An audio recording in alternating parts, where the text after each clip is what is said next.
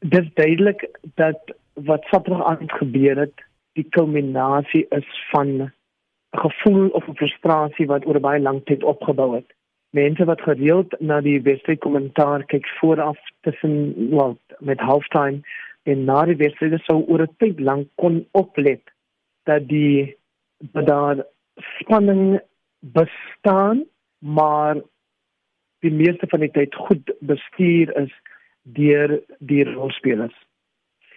Maar dan is daar mos op YouTube beeldmateriaal beskikbaar van 'n kopperstampery in September 2014 en daar's ook beeldmateriaal beskikbaar van 'n kopperstampery in 2016. So Saterdag aand het eintlik lank reeds begin en het net Saterdag aand breedpunt bereik. Dis die frustrasie van iemand wat in wat hy gesê het en wat ons nou weet ons het gereeld kyk na die uitsendings. Die frustrasie van iemand wat gedurig maar sy pause moes hou ter wille van die uitsending en te midde van wat hy self noem die neerhalende wyse en ondermynende wyse waarmee bepaal wil ek sê Nick Mallet nie net vir Ashwini let wel maar ook selfs vir naas hanteer as jy in ag neem dat Nick praat vir so lank as wat Nick voel hy moet praat en Nick val tot vir naas in die rede wanneer hy of Ashwin of enige van die ander kommentators of ontleeders hulle mening gee. Daar is 'n groot generasiegaping en ek's bly jy dit nou in jou artikel genoem. Dit speel 'n groot rol hoe ons die situasie benader en natuurlik sien. En mense kan dit in die ouer generasie se se kommentaar ook sien. Dit is dalk so, well, dit is feit dat Ashwin en Nick uit verskillende eras uitkom, verskillende generasies uitkom. Ek twyfel of wat daar gebeur het 'n geval is van dat Nick dalk voel Ashwin moet as 'n jonger persoon sy plek ken. Ek dink dit het dalk meer te doen met die onderskeie kommentators se persoonlikhede.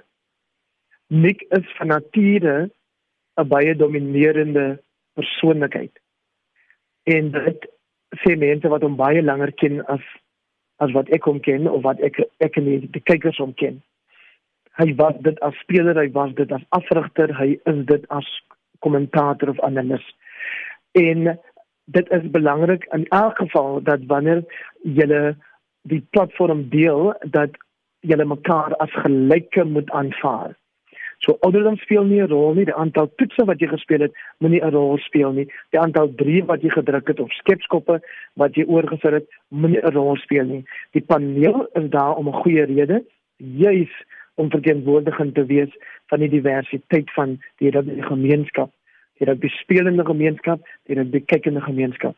So ouderdom moenie tel nie, kleur moenie tel nie, as ek sê toetsloopbaan moet ook nie tel nie. Dit moet hier gaan oor dat jy jou insig oor die wedstryd en jou insig oor die sport vanuit jou unieke invalshoek moet deel met die kykers en as jou mede-aanbieder of mede-kommentator daarmee saamstem of nie, is dit nie belangrik nie, dit is van akademiese waarde. Maar jy mag verskil, jy moet net beleefd en beskaafd verskil en 'n mens kry nie altyd die indruk dat dit die geval is nie.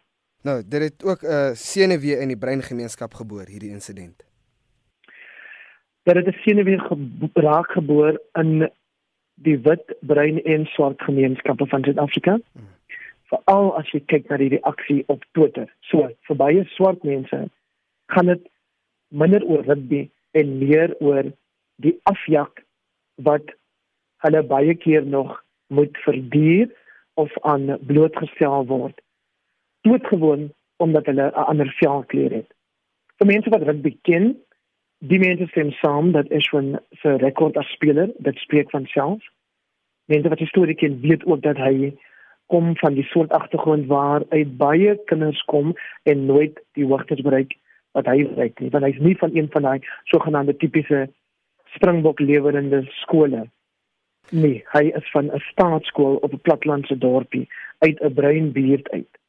Hy het om die waarheid te sê, toe hy die geleentheid kry om te skuif na die wit skool op die dorp, het hy net dankie gesê daarvoor. So vir die meeste mense wat nie wit is nie, is dit 'n gedeelde ervaring. Dat self al weet hulle niks van rugby nie, weet hulle van daai gevoel van afgejaag word, verneder word, uh, gemarginaliseer word, gepatroniseer word. En vir baie wit mense is die onmiddellike reaksie om om defensive te wees. Want hulle beskou die reaksie van die swart kant as 'n aanval op wit mense. Al twee is ewe jammer, maar al twee is iets waarvan mens begrip moet hê as jy in die land groot geword het en as jy in elk geval jouself hoogte hou van die sosiale of die samelewingsdinamika.